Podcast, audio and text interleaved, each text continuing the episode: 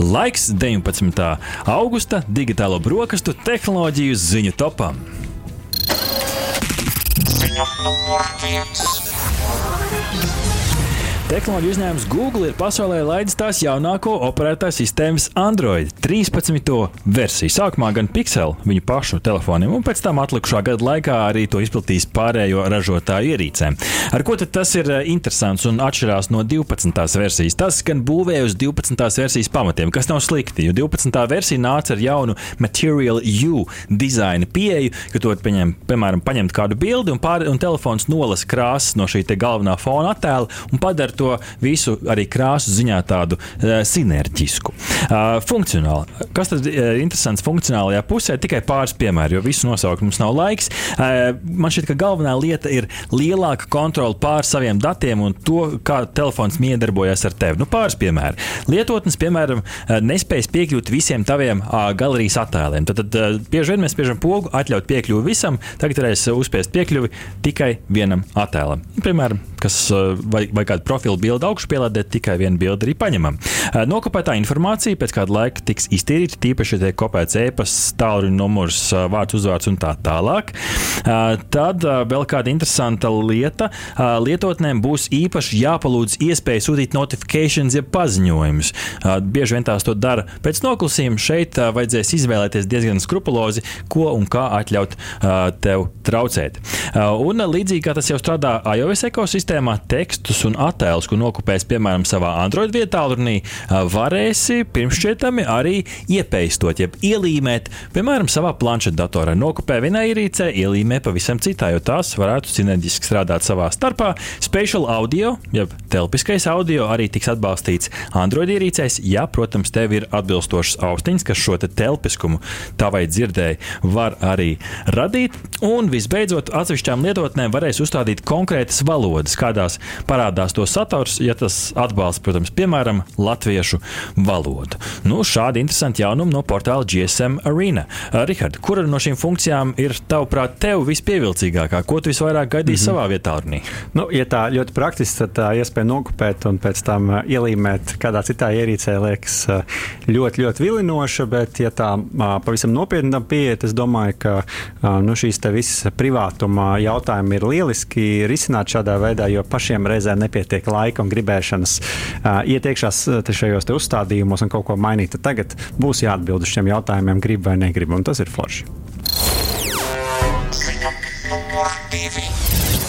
Otrā ziņa - digitālais brokastīs. Konkurences padome lēmus atļaut Latvijas CSDD un Unified Post paziņoto vienošanos, ka tās nodrošinās publisko elektroauto uzlādes tīklu sadarbību. Ko tas nozīmē vienkāršā valodā? Tātad Latvijas jeb Electrum Drive uzlādes staciju klienti varēs veikt uzlādi arī CSDD e-mobīļu tīklā, izmantojot savu karti. Un otrādi - CSDD klienti varēs lādēt savas mašīnas Electrum Drive uzlādes tīklā tīklā. Sinerģijas ietvaros tikšot saglabātas gan CSDD, gan Latvijas energo uzlādes tīklu mobilās lietotnes. Tātad telefonā nekas arī diži nebūs jāmaina. Kā skaidrots LSM eh, portālā, m, tad arī uzlādes cenai neatkarīgi no izvēlētā abonēšanas pakalpojuma sniedzēja ir jāatbilst izvēlētā uzlādes punkta operatoru tarifiem.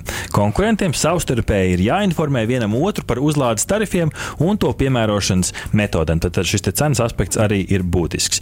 Bet jautājums, kad? kad tas notiks? Rihards, zinu, ka tu biji kontaktā ar CSDD par šo jautājumu. Jā, nu sazinājos ar CSDD un uh, noskaidroju, ka ir pamatota cerība, ka lietotāji minētās priekšrocības varētu sākt izmantot jau tuvāko mēnešu laikā. Nu, vēl ir nepieciešams veikt visus tos tehniskos priekšdarbus uh, CSDD kopā ar Latviju Energo, lai ieviestu sistēmu darbībā. Mēs katrā ziņā aicinām jūsu skatītāju, klausītāju apskatīties arī 5. augusta digitālo brokastu raidījumu, kur mums bija elektroautorāta uzlādes staciju atskats. Ziņa numur 3. Latvijā vairāk nekā puse, 59% aptājoto iedzīvotāju uzskata, ka influenceri sociālo mediju profilos atspoguļo dzīves stilu, kas drīzāk vai pilnībā ir nepatiesa. Noskaidrot sabiedrisko attiecību aģentūras Golden Rīga un kompānijas Norstat veiktajā pētījumā. Saskaņā ar pētījumu tikai 1% cilvēku domā, ka satura veidotāju atspoguļotais dzīves stils sociālo mediju platformās ir pilnībā patiesa. Nu, un šeit vēl viena pētījuma rezultāta arī pievienot no Euromonitor International, kas stāsta, ka tiešais influenceriem ir milzīga, liela vai mērena ietekme uz vairāk nekā pusi eiropiešu. Tātad diezgan lielā mērā mēs ticam tam, kas tiek teikt teikts, ja mēs skatāmies tādu Eiropas jau, jau perspektīvu, kategorijā, piemēram, no 15 līdz 29 gadiem tie ir 65%, savukārt 30 līdz 44, tātad nedaudz vecāki, 61%. Tad vairāk kā puse, nu, diezgan lielā mērā uh, uzticās tam, kas tiek publicēts. Tur tāda interesanta nianse, kur komentē aģentūras vadītāja Laima Zemele, uh, citēju, kopumā gan pasaules, gan Latvijas tirgū varam vērot, ka aizvien populārāk kļūst mikro un medium influenceri, jo viņiem vairāk uzticas un saikne ar šādu mērogu digitālā satura autoriem ir ciešāka. Citāta beigas. Jā, es teikšu, ka patīkami, ka Latvijā cilvēki ir kritiski. Tātad, nu, kritiski izvērtē šo saturu, un to arī mēs no savas puses novēlam. Jo nu, ir tiešām jāuzmanās, ko influenceri publicē. Nu, tādā ziņā, ka ir noteikti vērts to pavērtēt. Jo, ja tīpaši šādā priekšvēlēšana laikā. Tieši tā, un lai gan situācija noteikti kļūst ar vien labāka, bet nu, influenceriem ir pienākums norādīt, kad tas, ko viņi publicē, ir reklāma. Un, nu, tas nevienmēr ir absolūti acīm redzami. Nu, jā, vienmēr jau gribās uzdot, ka tas, ko es saku, nav reklāma, bet mans, mm -hmm. uh, mans patiesais. Un beig beigās man šī tā vecā atziņa par to, ka sociālajos tīklos redzam tikai to dzīves saulaino pusi. Man šķiet, ka tas arī joprojām ir jāpatur, jo nevienmēr viss ir tik rožaini, kā tiek publicēts. Ziņa numur 4. Xiaomi produktu prezentācija pārsteidza ne tikai ar salaukamā telefona Mixfold 2 prezentāciju, bet arī uz skatuves kāpa cilvēkveidīgs robots Cyber One, kas uznāca uz skatuves un pat pasniedza ziedus.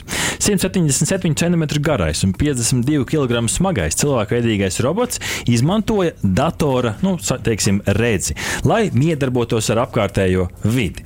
Cyber One ir aprīkots ar uzņēmumu pašu izstrādātu MiSense dziļās redzes moduli, kas apvienots ar mākslīgā intelekta intelekta miedarbības algoritmu. Tā tad ir sensors un ir dators, kas labi spēj to apstrādāt un reālā laikā mainīt uzvedību. Tas spēj uztvert trīs dimensijās telpu, atpazīt individus, žestus un pat izteiksmes, kas ir interesanti. Robots spējot identificēt 85 dažādas vidas skaņas un 45 cilvēku emociju veidus. Nu, piemēram, tas varot noteikt, kad cilvēks ir laimīgs vai arī viņu mierināt skumjos brīžos, kā stāsta portāls kursors. Jā, nu, Tesla Teslas vadītājs Ilons Masks, kurš ir pazīstams kā tāds liels, liels mm -hmm. inovators, savulaik paziņoja par optimus cilvēku veidīgā robota ah, veidošanu. Un uh, izšķiet, ka Xiaomi ir izskatās, ka ir ticis uh, nedaudz tālāk, jo nu, Teslas robots vēl joprojām ir robota kostīmā tērps dejotājs. Nu jā, un katrā ziņā Xiaomi šajā robotu sfērā nav pirmo reizi ar šo robotu startējuši. Atceramies, ir tāds robots Boston Dynamics, tāds dzeltenis spots, kas mm -hmm. bieži pārsteidz ar trikiem nu, arī Xiaomi bija Cyberdog mēģinājums, kas izskatījās gaužām līdzīgs tam. Tā kā roboti kļūst ar vien intelektuālāki, tā vien šķiet. Ziņa numur 5. Noslēdzošā ziņa digitālajās brokastīs no Latvijas Investīciju un attīstības aģentūras, kura aicina līdz 6. septembrim iedzīvotājus no 18 gadu vecuma iesniegt savas idejas konkursā Ideja Kaus 2022, lai pretendētu uz finansējumu savu biznesa sākšanai. Šeit, protams, var iesniegt dažādas uh, idejas, bet uh, bieži vien šeit parādās arī dažādi interesanti tehnoloģiski risinājumi. Uh, Ideja Kausā Lijāda nodrošina visu nepieciešamo, tur sākot no zināšanām un prasmēm, kā arī finansējumu. Ja dalībniekiem ir iespēja pārbaudīt savas idejas kon konkurētspēju ar mentoru palīdzību, saņemt praktiskus padomus un arī iegūt diezgan ievērojamu naudas balvu no 1500 līdz 10 000 eiro tās idejas tālākai attīstīšanai. Un šogad balvas piešķirs veseliem 12 ideju autoriem. Tā kā šis potenciāli ir tāda laba smilšu kaste, kurā attīstīt arī savu tehnoloģisko biznesa ideju. Jā, nu, konkursu pērnā gada uzvarētājs elektrizēta bezceļa dēļa Bronter autors uh, Raimons Jurgelis uzsver, ka galvenais ir degsim acīs no pirmā idejas mirkļa. Tā palīdz arī grūtos brīžos atcerēties, ka ideja ir jāattīsta, jālolo pie tās, jāstrādā. Ilgais darbs, kas uh, pagāja no konkursa ideja hausa līdz brīdim, kad reāli ieraudzījām produktu, bija kā maza bērna piedzimšana. Katru dienu redzēju attīstību, tāpēc novēlu, lai konkursā piesakās visi sapņotāji mērķētāji un darītāji, teica Jurgals. Starp citu, par Bronturu mēs uzzināsim sīkāk jau nākamnedēļ digitālo brokastu atskatu sarunā. Jā, būs tāds ekstrēmais tests ar ekstrēmu atskatu uz to. Katrā ziņā cerēsim, ka arī šogad būs dažādas tehnoloģiskas idejas, ne tikai praktiskas un ikdienā noderīgas, kas mums varētu pēc tam arī nest kādu interesantu sarunas iemeslu šeit digitālajās brokastīs. Lūk, kāds digitālo brokastu atskats 19. augustā. Aha! Paldies, ka noklausījāties mūsu līdz galam! Ja patika, uzspiediet laiku, atstājiet komentāru vai padalieties ar draugiem. Un nobaudiet arī citas epizodes, kā arī sekot mums, lai nepalaistu garām savu ikdienas tehnoloģiju ziņu devumu.